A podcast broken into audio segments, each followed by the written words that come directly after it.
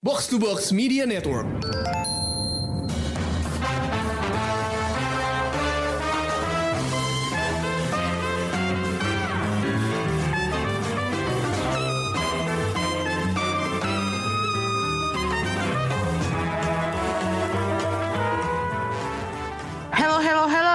Kita datang lagi di Anglo Review Showbox Podcast. Masih berlanjut dengan Summer Movies. Film yang akan kita review kali ini adalah sebuah judul dari franchise legendaris Indiana Jones. Yes, we are going to talk about Indiana Jones and the Dial of Destiny.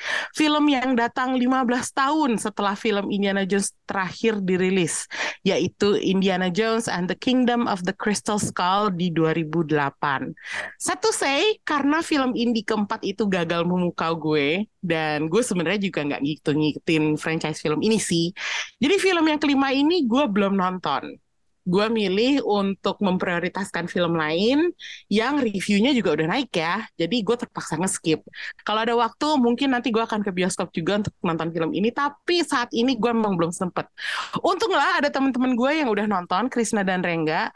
Pas gue tanya apakah mereka bakal nonton, dengan antusias mereka menjawab, yes bakal nonton gitu. Jadi intinya ini reviewnya tuh reviewnya Krisna sama Rengga ya. Gue di sini sebagai pemandu acara aja. Nah, tapi sebelum bahasan filmnya kita mulai, gue pengen tahu dulu deh. Hmm. Ini judul Des Dial of Destiny maksudnya teh naon gitu. Kalau dari namanya ya, hmm. gue semacam membayangkan telepon magis yang nunjukin nasib lo tuh kayak gimana. Ini emang analisa ngaco banget gitu ya. Tapi itulah yang ada di bayangan gue. Bisa lo ceritain dikit gak sih maksud judulnya apa dan sinopsis filmnya apa gitu? Oke. Okay. Uh, eh, filmnya sendiri ini dimulai flashback balik ke tahun 44 ya nih balik lagi ke zaman Perang Dunia Kedua pas mm -hmm. si Indi sama rekan sesama arkeolognya yang dari Oxford si Basil Xiao yang diperanin sama Toby Jones nih ditangkap Nazi gitulah. Nih ini sebelumnya belum pernah ada sih di cerita sebelumnya. Nah, oh, terus okay. dia mereka ditangkap tuh karena berusaha ngerebut uh, Lens of Longinus-nya yang dijarah Nazi gitu ya. Cuman di saat bersamaan tuh ternyata ketahuan kalau itu tuh palsu gitu. Cuman kayak ada seorang ahli fisikanya Nazi namanya Jürgen Voller yang diperanin hmm. sama Matt Mikkelsen tuh ngelaporin kalau justru dia nemuin benda lain yang lebih penting yaitu setengah bagian dari yang namanya uh, agak susah nih anti kaitira karyanya Archimedes tuh yang apa ya ya itu mungkin judul kayak pertanyaan tadi dari Love Destiny itu merujuk ke alat itu yang katanya tuh kayak apa ya bisa memprediksikan sejarah apa gitu dan bahkan mungkin ekstrimnya bisa memperbaiki waktu segala macam kayak gitu-gitu. Nah, ya udah di saat lewat berbagai kejadian lah biasa gitu, terus akhirnya berhasil direbut lah si setengah anti Kaitira ini sama Indi dan Show gitu. Nah, terus akhirnya balik lagi ke tahun 69 di di New York City. Nih si Indi di tahun ini hidupnya ternyata jadi kacau juga nih. Maksudnya sedih juga sih ngelihat seorang Indi terus di masa tuanya kayak gini karena apa ya kayak ternyata dia berpisah sama istrinya terus anaknya si Matt yang dulu diperanin sama si Lebov tuh ternyata diceritain tewas di perang Vietnam gitu kan. Terus dia juga baru oh. pensiun dari kampus terakhir tempat dia ngajar gitu kan. Terus ya udah tapi tiba-tiba muncul anaknya si uh, Basil Shaw yaitu si Helena Shaw yang ternyata itu kayak anak baptisnya si Indi juga. Nah terus si Helena nih kayak ngajak si Indi untuk menyelidiki lagi tentang si anti Kaitira. Terus si Fowler si Jurgen Fowler yang ahli fisikanya Nazi itu tuh ternyata sekarang di tahun 69 itu dia kerja untuk NASA dan dia turut berperan dalam misi Apollo 11 ke bulan. Nah, jadi udah ternyata dia juga masih penasaran sama si Atli Kaitira ini ya. Udah dari situ mulailah uh, kejar-kejaran ala Indiana Jones dimulai. Jadi kayak gitulah kurang lebih cerita sih. Si anti Kaitira itu yang disebut Dial of Destiny-nya gitu ya maksudnya? Iya, kalau dari judul ya sih yang dimaksud ya itu si alat ini. Oh oke, okay. jadi hmm. bukan telepon deh Chris. apa sih kayak sema bentuknya sih kayak semacam jam ya, cuman mekanismenya gue juga nggak gitu ngerti karena Archimedes ahli matematik gitu ya. Ya disebut sih ini bisa apa ya kayak memprediksikan banyak hal gitu, termasuk hmm. salah satunya tuh ekstrimnya ya itu yang bisa muter waktu gitu, memperbaiki Ah. sejarah gitu. Oke, menarik juga nih ya. Eh, Mm-mm. Tapi gue akan tahan pertanyaan gue tentang hal itu. Ini gue mau nanya dulu nih. Ini kan kita tahu ya Disney membeli tahun 2012. Terus Yes. IP yang mereka kan cuma Star Wars, tapi Indiana Jones. Nah, ini kenapa kalau misalnya kita udah tunggu dari 2008, filmnya baru ada sekarang? Eh, kayaknya emang Disney mau memeras Star Wars dulu ya kayaknya sih.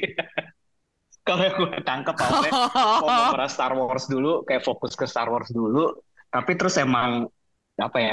Sebenarnya mereka dari awal juga bilang mereka mau ini kan ngembangin Indiana Jones juga kan.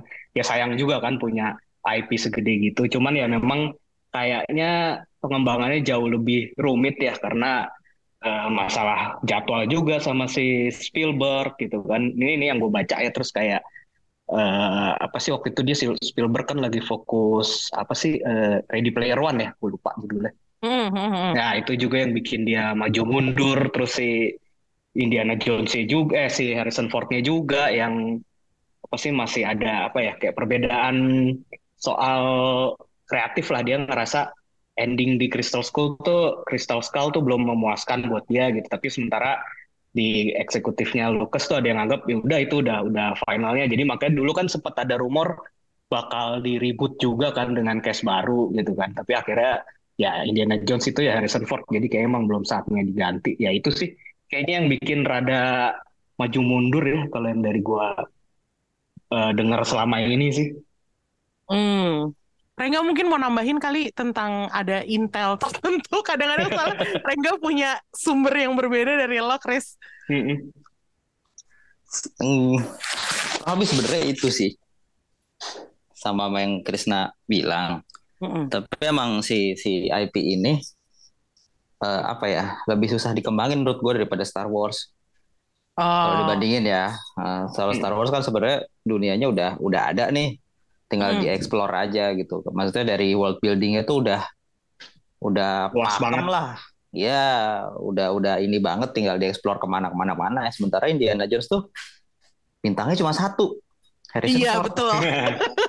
Susah Karakter gitu driven banget Bener karakter driven banget. Kalau Star Wars kan bisa bisa bilangnya story driven jatuhnya ya. Soalnya karakternya banyak lo tinggal pilih mau yang mana gitu. Kalau Indiana Jones kan ya udah Harrison Ford gitu. Indiana Jones kalau bukan Harrison Ford judulnya bukan Indiana Jones dong. Nah, itu dia. Itu nanti bakal jadi pertanyaan gue juga ya. Apakah franchise ini masih bisa berlanjut tanpa Mr. Ford itu yang sekarang sudah agak lansia gitu ya.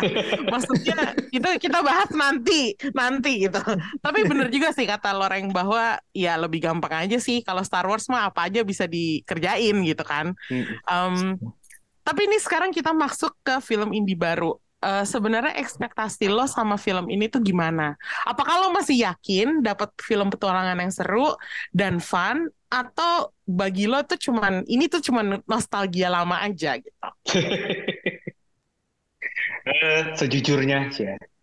Sejujurnya eh waktu gua ngeliat trailernya pun gua sudah agak ragu sih kalau kalau Horizon kalau Horizon Ford masih cukup apa ya masih cukup kuat gitu. Eh, tapi ya faktor nostalgianya juga gede banget ya gue lumayan. Menurut gue Indiana Jones tuh kan kayak bapaknya film petualangan gitu kan. Mm. Jadi ya ya itu sih jujur memang eh, apa ya? Gua tidak punya ekspektasi film ini bakal sebagus tiga film pertamanya, Mm-mm. tapi at least gua akan tetap nonton karena gua emang suka banget sama eh, Indiana Jones gitu. Oke. Jadi Kalau Rengga gimana nih? gede nostalgianya sih. Nah, kalau lo kan lebih gede nostalgia ya. Nih soalnya Rengga waktu gua tanya apakah dia bakal nonton, lebih antusias yang menjawab Rengga loh. Kayak wow gitu. Kayak ada semangat ekstra buat nonton Dial of Destiny gitu. gue juga sama sebenarnya lebih kepengen nostalgia sih. Tapi gue pengen tahu nih apa yang apa yang dibawa sini Indiana Jones yang baru tuh, apalagi yang mau dieksplor gitu loh. Kan Hmm. eh, i- kayak Krisna bilang juga tadi kan sebenarnya kayak itu tuh Indiana Jones tuh bapak petualangan di Hmm. film lah gitu kan Hmm. sama kayak Jurassic Park ketika orang menonton Jurassic Park tuh lah kayak gue pengen jadi paleontologis gitu tiba-tiba lo abis nonton Indiana Jones pasti kayak jadi kayak gue pengen jadi arkeologis gitu kan kayak gue pengen tahu kecil nih tuh. iya pengen ini kayak ini petualangan apa lagi sih nih? Ini megafinnya apaan lagi yang mau dicari gitu loh. Gue lebih lebih ke situnya sih. Oh, makanya gue pengen tahu soalnya film keempatnya kan banyak yang kecewa ya tiba-tiba kayak Iya. ya alien gitu gitu. Ya termasuk gue juga. Kayak what the hell? gitu kan. itu itu udah kayak udah kayak ya elah, ini udah mentok banget ceritanya ujungnya alien gitu kan Mm-mm. apaan lagi gitu kayak udah nggak udah kayak udah habis ide aja gitu. Makanya gue pengen tahu nih apaan nih berikutnya nih gitu. Apakah bakal sejeblok itukah atau paling nggak sama atau lebih gitu? Ekspektasi gue gue juga sama nggak ada ekspektasi apa apa tapi gue pengen tahu aja gitu. Ngelihat trailernya juga kayak ya lah Harrison Fordnya udah jompo banget gitu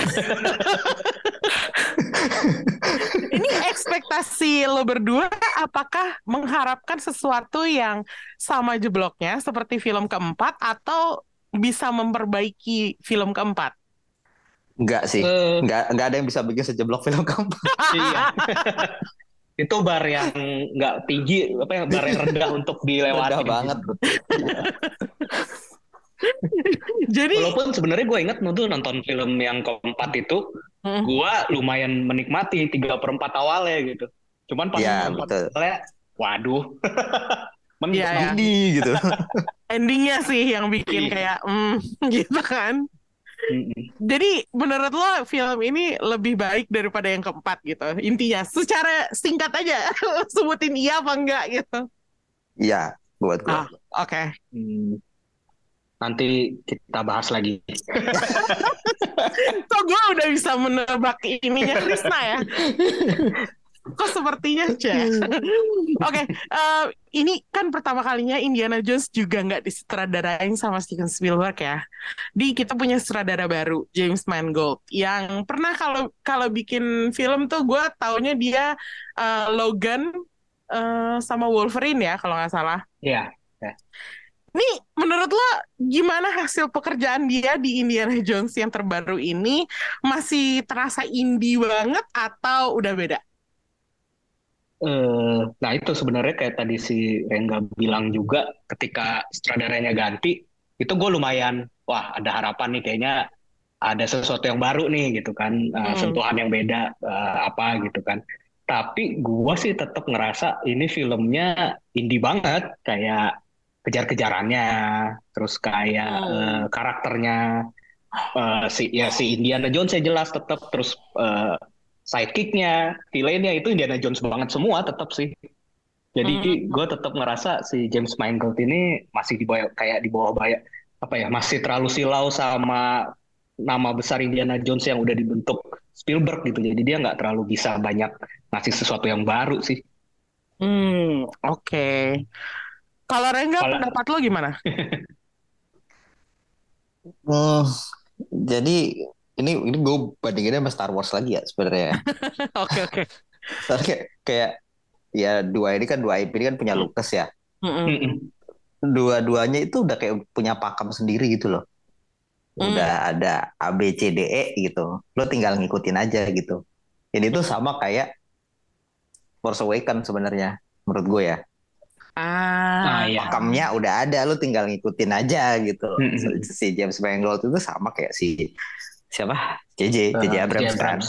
Iya, Hmm. udah kayak ini udah ada udah ada template-nya nih, udah lu kerjain aja apa yang udah ada kayak gitu. hmm. Walaupun kayak begitu, tapi gue tetap menikmati soalnya emang emang apa ya, emang gue rindu dengan film-film petualangan kayak gini, yang di mana udah beberapa tahun belakangan ini jarang banget ada film yang genrenya adventure kan. Hmm. Iya. Terakhir yang gue inget si itu Dungeons and Dragons kan. Beda Itu kan juga jadi- dong. tapi kan adventure Iya. adventure tapi ya itu ya fantasi gitu ini kan adventure pure fant pure adventure aja gitu nah gue gue tuh kangen film-film kayak gini yang baru tuh nggak ada gitu dulu filmnya siapa eh Tom Holland ya Uncharted ya itu Hmm. Oh iya. aduh busuk sih itu Tomb Raider, Tomb Gamesnya Raider. bagus. Tomb Raider gue masih suka, Tomb Raider gue masih suka, tapi kan itu udah lama gitu kan. Gue Iya. berharap Uncharted tuh seperti itu gitu. Ini Tapi National Treasure. itu gue suka, franchise Iya, itu gue itu suka. keren. Itu keren, itu keren. bagus. Iya, tapi nggak Itu udah lama juga, kan. bener, udah lama banget. Iya udah lama kan. Kalau National Treasure ada serialnya di Disney Plus yang sekarang udah tapi jelek di-cancel. bukan? Ya kan. Kalau gue suka ya si Iya National sih. Treasure itu series itu dan bener juga kata lo Reng bahwa lo ya gue kangen juga sama serial-serial bukan serial aja ya film adventure dan akhirnya gue menemukan itu di National Treasure yang series itu di Disney Oh, gue Plus. belum nonton sih itu. Nah, itu Oh, makanya sebenarnya emang masih ada audiensnya ya buat film petualangan kayak gini dan emang yang dicari suasananya bukan suasana yang baru banget tapi emang yang dicari adalah Indiana Jones-nya gitu ya nggak sih? Iya, iya, iya. Iya. Fe- Feel-nya gitu loh, feel sesuatu adventure banget nih gitu. Mm-mm. Uncharted territory gitu. Iya, Kayak masuk gitu ke gitu. gua, masuk ke hutan. Iya, heeh. Walaupun Ah. sekarang udah semua bisa udah bisa dilihat sama Google Maps ya. Tapi kan, perasaan itu gitu ya. Kayaknya di tahun Kayak- 69 belum ada deh Google Maps. Jadi tadi Chris lo bilang eh, ada banyak kejar-kejarannya dan kita tahu kan film-film Indiana Jones tuh selalu ada lah eh, aspek itunya ya yang adegan-adegan yang ya itu yang kayaknya harus ada setiap kali ada film Indiana Jones tuh yang kejar-kejaran, tempat penuh jebakan gitu. Iya. Jadi film ini berhasil eh, menyajikan sesuatu yang setara kah dengan adegan-adegan ikonis dari film sebelumnya atau kayak terlalu kayak trying too hard to replicate gitu? Nah, itu dia. Gua ngerasa eh, James Mangold terlalu menghormati film aslinya gitu kayak terlalu mirip sih. Maksudnya nggak nggak nggak terasa kayak kejar-kejarannya ya ya jatuh-jatuhnya jadi tetap seru karena itu kan memang eh, esensinya Indiana Jones kan. Terus Mm. masuk ke tempat kayak tadi Rega bilang Uncharted, Uncharted territory terus penuh jebakan gitu kan. Ada panah lah, ada batu, ada apa gitu kan. Tapi itu ya nggak se-thrilling jatuh-jatuhnya jadinya nggak thrilling kayak nonton yang dulu sih karena udah familiar aja gitu walaupun tetap fun ya Hmm, Cuman jadi menurut nggak- lo kurang gitu ya? iya nggak terlalu ini sih ya tetap seru tetap gue tetap menikmati juga adegan eh, eksplorasinya gitu-gitu tapi ya terlalu familiar aja udah gitu apalagi musiknya tetap si John Williams kan jadi makin Oh. terasa ini ya. makanya jatuh-jatuhnya jadinya gue menikmati karena nostalgia balik lagi Ah, bukan karena ada sesuatu yang baru atau inovatif Iya, gitu. heeh, heeh, heeh. Oke. Nah, kalau lo sendiri Reng sama yang dibilang sama Krisna tadi bahwa ini terlalu plek-plek nih ngikutinnya itu eh, lo keberatan atau enggak? Iya, kayak yang tadi gue bilang kan pakemnya udah ada gitu. Relnya udah ada nih, udah ikutin aja gitu. Jadi nggak nggak mengambil sesuatu apa ya? Nggak nggak ada sesuatu yang baru sebenarnya di sini. Cuma tetap fun gitu. Kayak kejar-kejarannya di mana di Maroko, naik Maroko. bajai gitu. Itu cukup baru sebenarnya buat gua gitu. Kayak wah seru nih gitu. Cukup fresh sih itu Tapi- kejar-kejaran naik bajai gitu. Yang, yang mana sedikit nggak masuk akal ya. Bajai bisa bisa ngebut lawan mobil gitu loh. Bajanya berapa cc itu gue nggak tahu Maroko. kan ganggang sempit Oh iya, bermanuver ya, lebih lincah. Aduh, kalau sebut kata bajai, konsentrasi gue hilang. Karena yang ada di gue itu adalah Kok mereka kendaraan nyebutnya tuk-tuk tuk-tuk ya Allah. Oke, ini eh, masih full action berarti ya filmnya? masih Masih, masih, masih tetap action kok. Heeh. Mm-mm. Nah itu Opa Harrison apa kabarnya? Bukannya dia udah, bukannya dia udah berapa? 80 tahun? Leb- Ya 80 bentar tahun. lagi Dia- 81 dia Oh my God. Terus Juli ini 81 kayak begini dia masih terus mau ngerjain Indiana Jones? Enggak kan? Enggak. Jadi jadi, jadi gue baru baru baru dapat berita aja dapat berita gitu. Eh, semuanya tuh pakai stunt. Jadi yang yang si Harrison Ford doang itu kebanyakan yang cuma adegan eh, duduk dialog medium shot Mm-mm. sama berdiri sama adegan jalan udah gitu aja. iya Semua adegan action itu stuntman dan mereka tuh pakai ini, Oh. pakai topeng. Topeng dan Nah. CGI. Oh. Topeng topengnya tuh beneran topeng kayak lu tau topeng Mission Impossible nggak? Iya, betul. Iya iya. Gue Oh my god, udah sampai kayak gitu bikin film. Iya. heeh.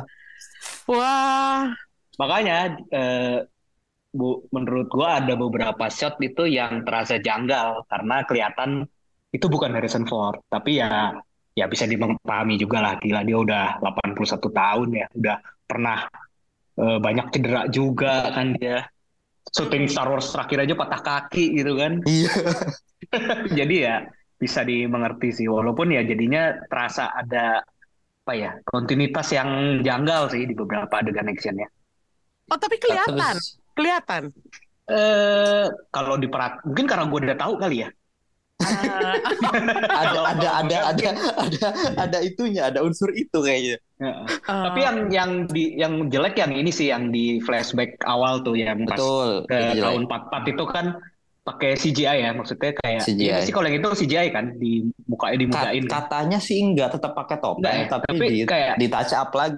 Ah, tapi itu kayak kelihatan pas yang adegan di atas kereta tuh yang dia lari Iya. Iya. itu ini sih itu itu CGI kelihatan. level The Flash kemarin itu. Oh my god, Diang Iya. diungkit-ungkit lagi loh. Iya, CGI tapi ini lebih lagi. seru, tetap lebih seru. Oh oke oke. Nggak bisa dibandingin sih sama The Flash sih. Iya, tetap Oh. lebih Bagusan ini sih. tetap bagus. Sebusuk So- so- kayak CGI-nya tuh so- lebih bagus. Soalnya si si kalau yang adegan opening scene itu Mm-mm. kalau si dari si Indiana Jones yang nggak ngomong itu bagus, tapi begitu udah mulai berekspresi itu baru kelihatan jeleknya. Hmm. Buat Ya gue karena ya. kan di sini dia harus Ketika dia diam, dengan muka muda juga kan, nggak cuman pas Nah action iya kan. heeh, betul. Karena Kayak- flashback kan. Iya kayak kenapa sih kagak pakai hire aktor lain aja gitu loh. Orang gitu pertanyaan yang gue, ya. Harrison Ford siapa kayak gitu. Iya, itu juga pertanyaan gue. Maksudnya kalau misalnya dia harus melanjutkan franchise ini, apakah energinya masih ada gitu dan apakah dia masih bisa sustain the franchise gitu? Karena Hmm. ya, kita kan tahu ya, ini franchise yang eh, dipakai namanya Indiana Jones. Jadi kalau nggak ada Indiana Jones, eh, ya agak susah gitu. Nah, apakah sebaiknya di karakternya pun di reboot gitu untuk hire aktor baru misalnya? Nah, gue ngerti pendapat lo sama eh, tentang hiring another actor. Apakah itu bisa dilakukan atau wajar dilakukan, ganggu atau enggak atau gimana gitu? Karena berdasarkan film ini kok kayaknya yang barusan lo jelasin ke gue barusan ini itu kayak malah pakai CGI itu malah ganggu gitu. Hmm, ya mungkin Gue punya, gua punya satu aktor yang bisa gantiin. Siapa tuh? Alden Ehrenreich. Ah, si Solo ya. Iya. Iya, Udah iya, pernah iya. gitu dong dia jadi Harrison Ford muda. udah gantiin Han Solo, kenapa nggak gantiin Indiana Jones juga Hmm. gitu ya? Ya tapi Iya, kalau betul. kalau kayak gitu kan berarti emang ya udah ribut ribut total kan. Iya. Ya memang kayaknya Tapi ya harus gitu. gitu sih kalau mau lanjut ya. Hmm. Bener Iya. juga sih, So- bener so- juga sih. soalnya- Dia akal. Mm-mm. Soalnya kenapa, Rim? Bener. Kayak penggunaan CGI itu jadinya kayak ya nggak efektif malah bikin malah bikin budgetnya membengkak. Hmm. Ini film kabarnya budgetnya berapa? 300 juta apa kalau salah? Gede. Wow, Ya karena syutingnya di banyak tempat juga kan. Wow. Iya, syutingnya di banyak tempat dan dan syutingnya pas lagi pandemi Oh iya. itu benar. juga membuat budgetnya gede kan. Itu Hmm. 300 juta belum biaya marketing, jadi total-total bisa 400 juta kabarnya Hmm. budgetnya untuk film ini dan kemungkinan besar bisa nggak BEP, mungkin BEP kali. Tapi nggak nggak nggak untung-untung banget kayaknya. Lalu kemarin eh, box office aja cuma dapat 60 juta Wah, itu bahaya sih. dari ini. Ya, Banyak kayaknya agak makanya. ini juga ya masa depannya agak sulit juga ya Indiana Jones. Oke, tapi kita itu ngomongin nanti aja ya. Kayak, Oke, aduh oke. kok jadi down gini. Um, karena ini film kan banyak banyak pemeran barunya juga ya. Maksudnya orang-orang yang sebelumnya belum pernah ada di franchise ini gitu. Salah satunya adalah Phoebe Waller-Bridge yang meranin Helena Shaw.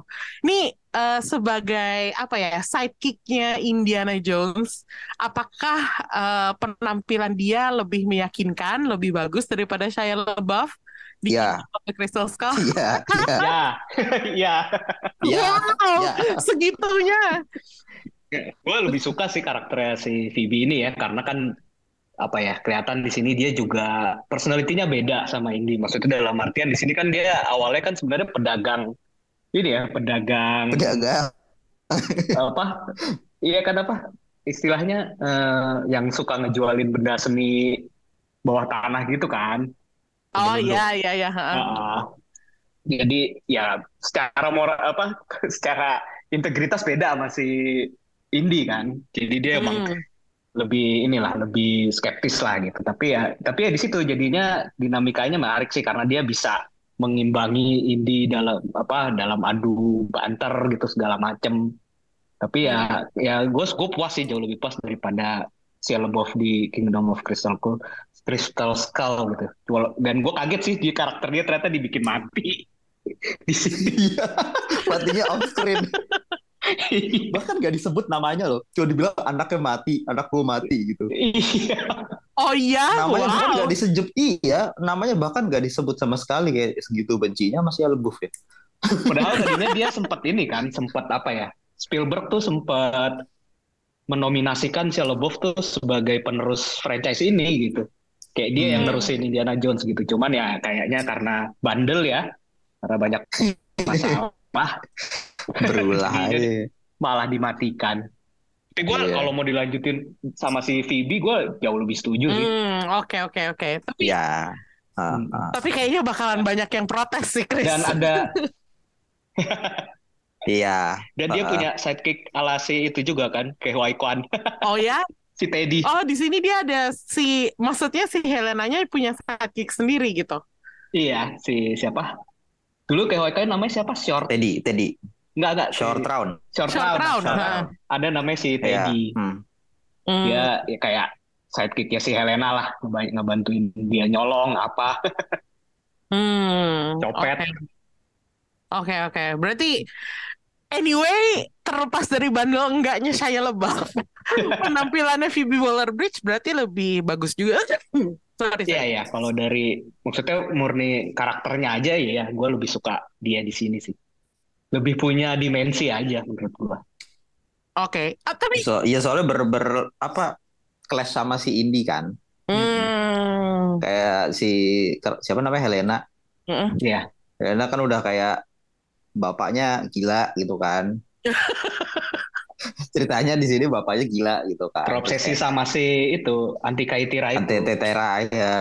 Mm-mm. Terus kayak dia gak ada yang ngurus gitu akhirnya kayak ah udahlah gue skeptis aja hidup gitu yang penting duit duit duit duit gitu Hmm. terus ke apa pengetahuan dia tentang sejarah terus barang-barang bernilai apa zaman dulu kan ada gitu akhirnya ya udah dia jualan Artefak, itu artefak. gitu Sama Oh. pinternya Itu. dia sama Indi. dan si betul eh, pengetahuannya luas juga kan Oh. dan si Cuman siapa dipakai Phoebe dengan Waller-Bridge cara juga yang mainnya berbeda. Itu bagus menariknya kan. Oh, oke oke. Mm-mm, mm-mm. Jadi kira-kira dia bisa nih ngelanjutin em, franchise Indiana Jones kalau misalnya nggak diprotes sama orang-orang. Gue sih nggak protes. Gua- iya gue sih nggak protes sebenarnya Hmm. Iya gitu, soalnya di- ini ininya bagus ya pembawaannya dia tuh bagus si si ininya si Phoebe Waller-Bridge tuh. Hmm. Kayak ya, gue nggak tahu kalian nonton Fleabag nggak, tapi itu kayak nyebelinnya Iya. tuh sama kayak Iya, dia benar. main di Fleabag. Ah, ah. kayak kayak gue mirip-mirip. gue ngeliat dia ini terus dia kayak sinis gitu kayak aja nyebelin banget sih orang Ya, gitu itu dapat gitu. Indi kan juga punya sisi nyebelin kan. Iya iya. Ya, tapi beda gitu Sisi nyebelin-nyebelin itu dapat. Helena. Heeh. Hmm, oke. Iya, tapi ujung-ujungnya ujung-ujungnya interaksi dia sama Indi jadinya apa ya? Manis jadinya. Iya, Ada kan payback-nya. bapak baptisnya gitu kan. Iya, God Godfather. Karena kalau gue nginget-nginget Kingdom of the Crystal Skull ya, uh, gue nggak merasa interaksi Shaya sama Harrison Ford tuh kayak bapak sama anak gitu. Iya, chemistry-nya nggak sebagus itu. Iya, nggak ada. Bahkan kalau menurut gue agak-agak mereka tuh kayak jadi rebutan layar gitu loh. Jadi kurang kurang nyampur gitu, kurang mix gitu. Jadi makanya gue agak penasaran nih sama si Phoebe Waller-Bridge. Dia sebagai psychic tuh apakah apa ya mendominasi sehingga menyingkirkan indie atau gimana tapi kenyataannya nah. kan enggak kan gitu. Iya, uh, uh, enggak apa interaksi apa sih interaksi si mat sama si monyet-monyet itu bahkan lebih bagus sih menurut gua di Crystal School. Wah, gue gak tahu itu pujian atau hinaan ya, gue gak ngerti buat siapa juga. Tapi nih, gue kalau nginget-inget Kingdom of the Crystal Skull, salah satu yang gue sebelin juga itu adalah karakternya si Kate Blanchett. Karena maksud gue dia itu apa oh, iya, ya? Ini Kate Blanchett, gue sampai lupa loh. Iya, salah satu kena alasan kenapa gue nggak terkesan sama sekali sama film itu adalah karena apa ya sebagai villain tuh Kate Blanchett-nya sekaligus kurang kuat sama nyebelin banget gitu. Jadi efeknya adalah ih gue nggak mau nonton lagi gitu. Nah ini kan sekarang kita ada Matt Mikkelsen nih sebagai Jurgen Fowler yang menjadi apa ya lawannya Indy dan Helena di sini. Ini sebagai villain apakah Matt Mikkelsen predictable atau tetap punya sesuatu yang menarik? Mikkelsen dengan tampangnya gitu kan walaupun dia bukan orang Jerman ya dia sih Denmark ya iya Denmark cuman kan punya kedekatan muka sama Nazi gitu ya jadi terus dengan dengan nama Jurgen Voller gitu kan sebenarnya ya cukup predictable sih cuman ya karena Matt Mikkelsen dia tetap bisa terlihat keren sih ngebawainnya kayak ya nggak beda jauh sama villain-villain Indiana Jones sebelumnya sih. Yang kebanyakan Nazi oh. juga kan. Jadi sebenarnya secara karakter si Fowler ini lumayan stereotype uh, ilmuwan Nazi lah gitu ya. Uh -uh. Di film-film kayak gini gitu. Tapi ya Matt Mikkelsen bisa apa ya ngasih karisma kali ya. Karakternya. Hmm. Kalau ada karismanya sih gue gue jadi ya. lega ya karena karena Kate Blanchett ya. karena Kate Blanchett nggak ada karismanya sama sekali meskipun itu seorang Kate Blanchett ya aktris hmm. yang menurut gue udah level dewa banget sih gitu cuman kayak hmm. di film itu kok dia jadi redup banget gitu bintangnya hmm. gue kecewa banget sih ngelihat dia di hmm. situ makanya gue di sini denger nama Matt Mikkelsen wah salah satu aktor favorit gue di film Indiana Jones dan gue dan, hasilnya gimana iya. gitu dan gue suka si Fowler ini kan kerja sendiri ya bisa dibilang. Maksudnya walaupun dia punya uh, anak buah ya, salah satunya kan yang di siapa tuh namanya gue lupa. yang ada siapa? di Wolverine juga, yang ada di Logan. siapa? Boyd Boyd Holbrook. itu uh, Boyd Holbrook itu mukanya sangat-sangat aktor Amerika sekali yang gue nggak bisa bedain Boyd Holbrook. Uh, aduh siapa lagi sih pokoknya ada empat orang yang mukanya sama aku nggak bisa bedain itu itu dia diam aja mukanya udah rasis kayak ayo rasis banget nih mukanya nih walaupun enggak ya cuman kayak kalau dikasih peran jadi white supremacist cocok banget gitu oh my god dia yang main di, maksudnya, di The Predator kan Hah? dia main di The Predator kan kalau nggak salah ya uh, si Boy iya, iya. oh iya iya kayaknya yang terakhir ya iya. Tadi lo mau ngomong apa, Chris? Iya, maksudnya si Fowler ini kerennya juga karena dia kerja sendiri gitu, walaupun dia punya uh, beberapa anak buah setia gitu ya. Cuman biasanya kan musuh-musuhnya Indi tuh punya pasukan lah gitu kan, punya hmm. punya support yang gede gitu. Kalau di sini Fowler beneran kerja sendiri itu menariknya sih. Jadi emang murni karena dia juga pinter gitu. Hmm, oke. Okay. Kalau lo, Reng, menurut lo Matt Mikkelsen did a good job? atau enggak? Iya, good job. Dia jadi Mats Mikkelsen jadi Mats Mikkelsen aja udah di situ udah job. Makanya predictable-nya di situ ya. Iya, oke. Okay. Oh, penjahatnya Mats Mikkelsen. Oh, oke. Okay. Gitu, Namanya ya, Jurgen okay, ya udah lah ya. Kebayang orangnya kayak gimana. Iya, udah gitu kan. Smith namanya, nama aliasnya Smith. Dr. Smith. Ya, tapi aslinya Stereotipe banget orang Jerman namanya. Smith, Poller, Jurgen. Iya. Standar banget. Tapi dia, Tapi ya sih kayak kayak penja- penjahatnya oke lah. tapi ini Gitu gue tadi gue nggak ngerti ya. Si Krisna bilang dia jadi bagian dari NASA. Oh iya, kan dia Oh, punya nama iya. alias si Smith itu kan. Oh, Terus ya, jadi bukan ah, dia, ah. bukan si Fowlernya sebagai Fowler itu menjadi eh saintis di NASA gitu kan? Dia Eh, pakai samaran gitu. Iya, gue lupa sih Jat, eh, latar belakang dia sebagai ex-Nazi itu ke- eh, ketahuan apa enggak ya. Cuman kayaknya dia dipakai NASA emang karena dia pinter. Ah, Jadi jadi Jadi dia jadi itu ceritanya tuh begini di nih. sini, Mm-mm. Sorry sorry. Eh ini sebenarnya based on true story. Jadi ketika Amerika USA menang Perang Dunia, mm-mm, mereka mengalahkan Nazi Jerman. mm-mm. Itu banyak tawanan perang yang eh, dari Nazinya itu ilmuwan Nazi. Oh, Ilmuwan Nazi itu tidak dibunuh, mereka direkrut sama Amerika. oh, diperkerjakan di Amerika. Mereka ganti nama, ganti keluarga keluarga negaraan ah. di Amerika. Nah, ex ex Nazi ini diperkerjakan di sana di berbagai departemen. Salah satunya kebanyakan itu di NASA. Hmm. Nah, Karena si emang pinter-pinter ini kan. ceritanya. Emang cerdas-cerdas gitu loh. Jadi si dok si Jurgen Voller ini ditaruh di NASA karena dia ahli matematika apa ahli fisika gitu gue lupa. Hmm. Fisika, Nah, dia fisika dia berhasil fisika dia. itu menerbangkan Apollo 11 lah ke mana ke bulan gitu Bulan. kan yang pada yang pada masa itu Mm. 1970-an itu kan lagi ini kan eh, space race kan sama sama sama Soviet. Mm-mm. Nah, dia dianggap berjasa banget Hmm, sama I see, I see. NASA. Makanya jadi kayak historinya dihapuskan lah kalau dia tuh Nazi. Iya. Ya sebenarnya Hmm. tahu pemerintah Amerika tahu dia Nazi. Iya tahu Tapi ya. Kan ada butuh CIA yang gitu kerja di samping dia ya, juga ya. mm-mm, ceritanya. Oh. Tahu nggak lo cerita kayak gini, gue jadi inget si Hydra loh. Karakternya Tommy Jones di MCU yang juga merupakan eh, scientist ilmuwan terus direkrut ke Arnim Zola. Ah, Arnim Zola. terus yang Ya karena itu emang Toby Jones juga. kisah nyata Iya. ya. Iya sih, kalau kayak kalau lo bicara soal em, sejarahnya ya memang itu pernah terjadi sih. Maksudnya gue nggak tahu seberapa apa ya, seberapa banyaknya ilmuwan Nazi yang terus direkrut sama pemerintah Amerika, tapi ya gue denger lah berita-beritanya gitu. Classified soalnya itu. Classified betul.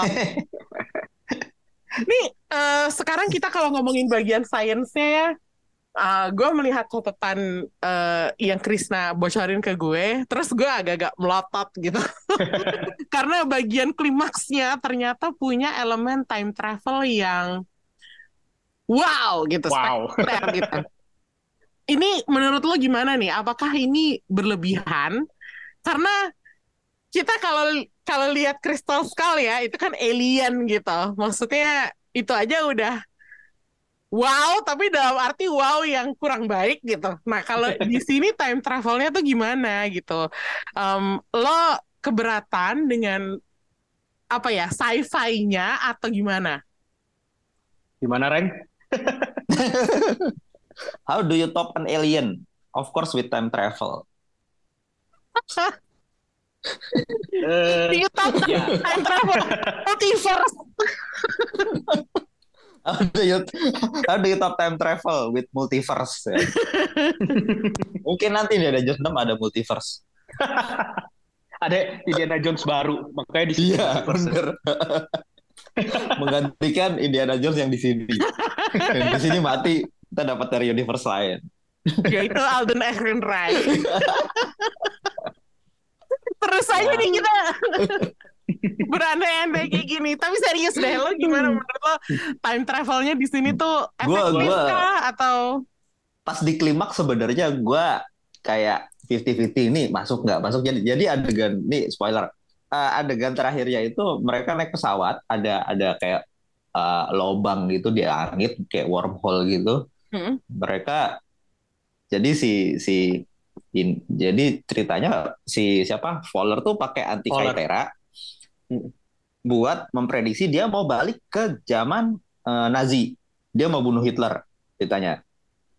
Tapi kemudian sama si ini bilang lu tuh salah gitu. Lu tidak memperhenti, tidak memperhitungkan pergeseran benua Iya. zaman dulu gitu. Mm-mm. Si Fowlernya bingung kan, dia tiba-tiba bimbang masuk nggak masuk nggak masuk nggak masuk nggak gitu kan gue Mm-mm. ber gue maksudnya ini ber, gue jadi ikutan bimbang nih masuk nggak masuk nggak masuk nggak soalnya kalau kalau jadi kalau nggak masuk ya wah bagus nih. Tapi kalau masuk juga wah bagus juga nih gitu. Jadi gue kayak menantikan sebenarnya itu cukup cukup seru buat gue Mm-mm. pas adegan itu gitu. Eh ternyata masuk beneran. Cung gitu. Wah berhasil gitu. Wah kita masuk sampai ke ini ke Sisilia gitu. Pas lihat tuh wah, banyak kapal-kapal Nazi gitu. Pas lihat anjing kapalnya kapal kapal Romawi ternyata. Tembaknya pakai ketapel batu. iya kayak ketapel. Pakai panah-panah gitu gitu Mm-mm. itu adegan itu bikin gua kaget sih Oh. jujur gitu kayak wah anjir beneran nih filmnya time travel gitu Mm-mm. tapi itu itu jadi kayak kayak tapi eh, apa ya membuat gue sedikit su bukan sedikit suka sih jadi suka karena si Indi si Indi akhirnya bisa bertemu dengan Archimedes gitu dan dan dan Ah. apa dan dia kayak apa ya dreams come true aja gitu. Selama ini dia cuma bisa belajar lewat buku lewat lewat benda-benda yang ditemukan sama dia gali-gali. Tapi sekarang dia bisa melihat semuanya gitu. Zaman dulu gitu Hmm. orang Romawi berantem gitu. Lihat kapal-kapal Romawi banyak banget gitu kan. Tuh kayak buat ahli sejarah itu kayak magis banget gitu. Iya, iya, iya. dan iya. endingnya dia pengen tinggal di situ gitu. Tapi nggak boleh Nggak boleh sama siapa? nggak boleh sama Helena Helena. Ah, Iya. oke, oke, oke. Karena takut mengubah masa depan ya. Iya, ha-ha. Ya. Oh, salah satunya itu sih Ah, oke, oke. Jadi buat lo itu memuaskan, Reng? buat gua itu unexpected aja sebenarnya Hmm, tapi feelingnya bagus dong, positif dong, karena bisa berhasil memukau lo dengan sesuatu yang tidak terduga gitu. Iya, iya. Buat gue iya. Ya, dan dan gue eh, senang bisa melihat si si sosok Indiana Jones ini mimpinya terwujud gitu. Ah, oke. Kayak dia akhirnya punya kebahagiaan gitu. Walau tapi endingnya walaupun dia nggak bisa tinggal di masa lalu, tapi dia dapat kebahagiaan yang lain di di masa masa sekarang. Gitu. Endingnya. Ah, oke, oke. Nah, tapi kok gue punya perasaan Krishna kayak Kita nggak suka kayaknya dia. kurang suka gitu. Gua suka. Sepertinya berbanding terbalik nih sama Rengga. Kok gue takutnya gitu ya, Chris? Iya, iya. Gua Perasaan lo, ini Chris. apa eh, sebenarnya gue apa sama tuh perasaannya sama si Rengga pas ngeliat Wormhole itu gitu. Kayak wah, kalau masuk gue dejavu sama Crystal Skull gitu kan. Tapi kalau nggak masuk gue penasaran ini bekerjanya kayak apa sih alat ini gitu kan. Terus akhirnya gue udah tahu pasti salah zaman nih. Gue udah nebak pasti kayak zaman itu gitu kan. Balik ke zaman Archimedes gitu kan. Cuman terus pas masuk, pas gue ngeliat dunianya, aduh, gue lumayan dejavu nih sama Kristen Skull. Apalagi pas gue ngeliat ada si Archimedes-nya gitu kan.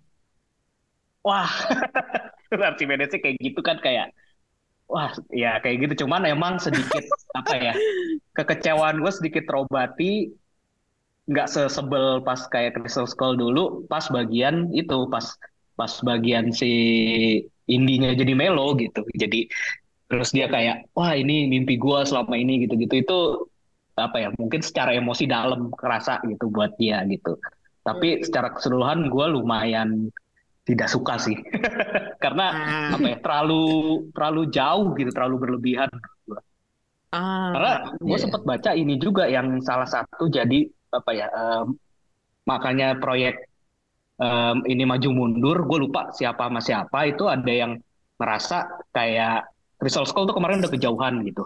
Kayak harus balik ke yang dulu walaupun ada sisi mistisnya atau apa gitu tapi tetap grounded gitu. Nah kalau yang Crystal Skull kan udah wow banget. Nah ini kan apalagi ini gitu sama menurut gue jadi gue agak mixed feeling sih sebenarnya di sini. Walaupun nggak separah yang dulu sih. Hmm, oke.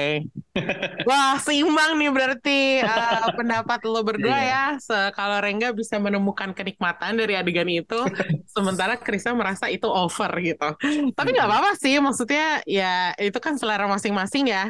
Kalau Iya. gue sih, kalau gue cuman butuh jaminan nggak bakal semengecewakan Crystal Skull, itu gue udah udah lega sih. Gue udah bisa kayak ngebayangin, oh ini kayaknya nggak bakalan bikin gue sampai kesal banget sampai nggak mau nonton lagi gitu.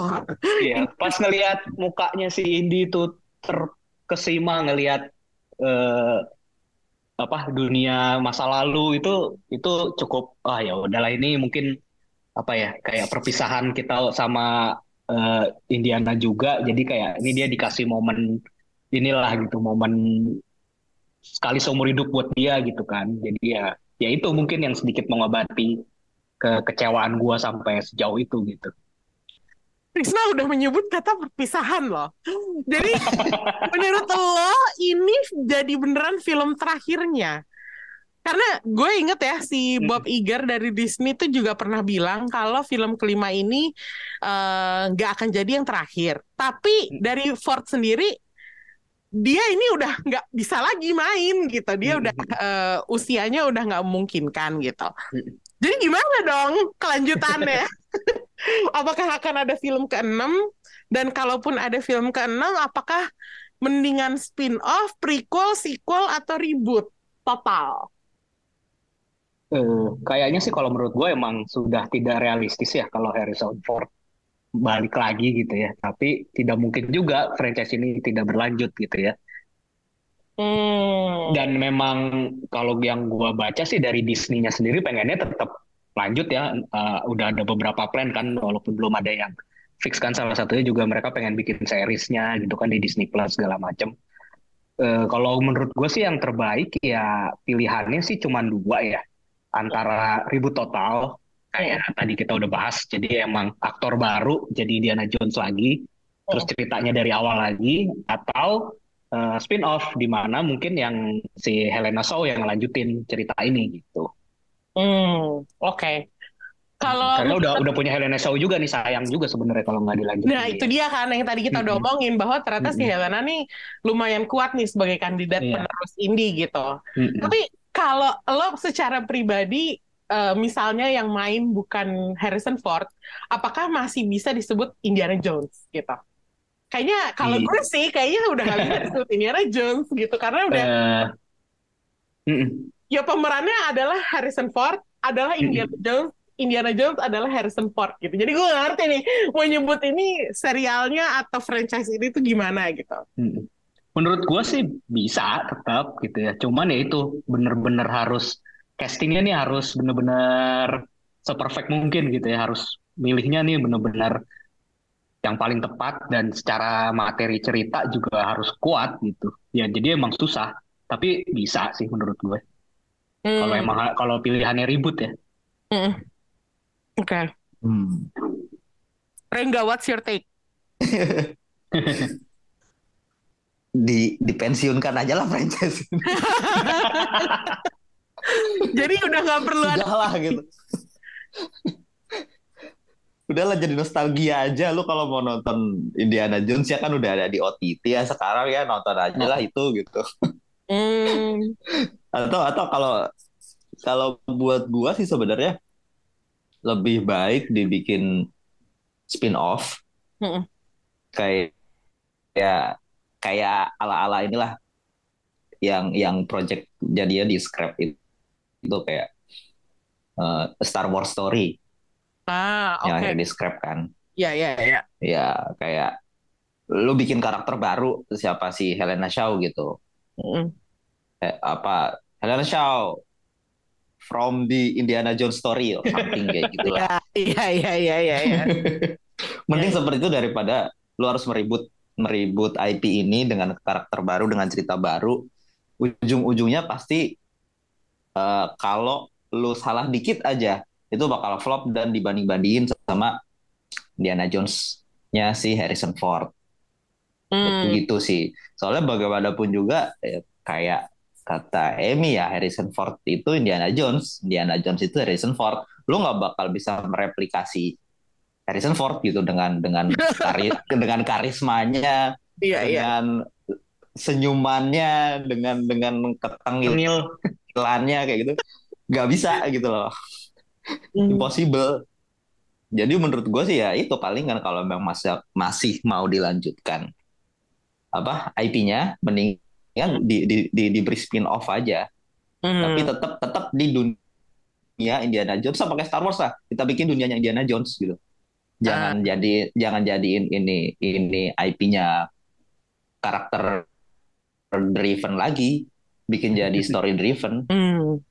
Kayaknya sih solusi solusi eh, sebagai pengembangan eh, film kayaknya lebih menarik kalau kalau gue sih setujunya sama Rengga ya. Ya udahlah, Indiana Jones cukup sampai sini. Terus kita bikin Helena Shaw gitu misalnya. Karena agak ini juga ya kalau ngandelin nostalgia terus pakai nama Indiana Jones tapi orang yang meranin bukan Harrison Ford maksudnya Harris- Harrison Ford juga nggak akan hidup selamanya gitu kan. Jadi agak susah juga kalau kita ngarepin selalu ada Harrison Ford di Indiana Jones dan kalau Harrison Fordnya diganti, orang tuh juga bakalan kayaknya marah gitu kayak "Kok lu sih jadi Indiana Jones sekarang? Lo bisa apa dibandingin sama Harrison Ford? Gitu. Gue takutnya ada sentimen kayak gitu yang akhirnya bikin gue nggak enjoy nonton gitu. Jadi ya mendingan udahlah stop dengan karakter Indiana Jones kita bikin karakter baru di dunianya Indiana Jones. Itu yang bisa dilakukan kalau lo mau ngembangin IP-nya tapi kan kita bukan pemilik studio ya guys. Kita hanya bisa kita hanya bisa berspekulasi dan Tapi kan berharap studionya mikir kalau comic book karakter aja bisa dibikin berkali-kali, kenapa karakter ini enggak gitu? Masalahnya karakter comic book tampangnya belum ada yang si ikonis Ford itu problemnya. Kalau menurut gue itu sih. Maksudnya iya sih sebenarnya bisa juga ya kalau misalnya kita Hmm. jadi Bob Iger gitu dari Disney gitu ya udah ganti aja gampang lah. Maksudnya seka- sekarang tuh ada udah ada udah ada beberapa karakter yang muncul di di film Indiana gitu. Hmm. Ada si Helena yang bisa dijadiin spin off gitu. Hmm. Sama sama tandemnya si Teddy gitu. Teddy. Ada Kei Hui Kwan gitu. Udah balikin aja short round gitu. Rame deh. Iya short round. Mereka join gitu kan. Ah, Bertiga, joinan. Wah udah gitu pasti rame. Terus balikin karakter-karakter yang apa? Yang sempat muncul di film indie yang dulu-dulu gitu kan. Hmm. Udah itu udah jadi udah jadi satu satu apa ya? Satu dunia sendiri gitu. Hmm, Terus betul. lo tinggal bikin karakter-karakter baru lagi gitu. Nazi-nazi lainnya. Kate Blanchett ketemu Max Mikkelsen dan nazi-nazi dari Nazi ya? Nazi kan selama ini emang biangnya nazi, selalu nazi ujung-ujungnya. Iya, ya, gue lupa Nazi juga. maksudnya kok si siapa namanya Irina ya namanya? Kalau nggak Bukannya ini ya, Soviet ya? Oh Nazi? Soviet ya? Eh Soviet, ya? Soviet. Iya. bukan Nazi ya? Atau Ah, diam-diam Nazi. Gue lupa sih, udahlah. Nggak. Udah mati juga kalau nggak salah karakternya. Oke, sekarang kita kasih rating 1 sampai 5 bintang. Berapa yang lo mau kasih untuk Indiana Jones and the Dial of Destiny ini? Gue tiga setengah deh. Wow, Gue juga gue juga tiga setengah. walaupun dengan eh, ending yang lo nggak gitu suka ya, Chris, dengan Eh, travel yang itu, tapi Tiga lo masih perempatnya gue suka. Hmm, Oke, oke, Tiga perempatnya gue sangat menikmati. Walau di di penutup juga walaupun kecewa tapi ya masih ada momen emosionalnya jadi oke lah. Gitu. Dulu kalau misalnya lo bisa ngasih nilai ke Crystal Skull, itu berapa, Chris? Dua lah. Oh, kalau gue satu loh. Oh dua masih mending.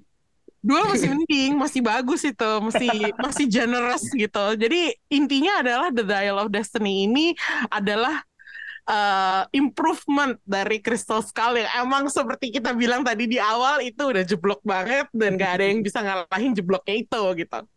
Jadi tiga setengah bintang nih guys, berarti dua-duanya. Eh, si Rengga Tiga setengah. Udah gue tiga setengah. Oh tiga setengah, oke. Fun kok berarti filmnya. Oh oke, berarti gue harus, gue kayaknya tetap harus ngejar nih film ya. Kayaknya kalau mencari yang fun di bioskop. Iya, seru soalnya. Lebih lebih seru dari The Flash lah pokoknya.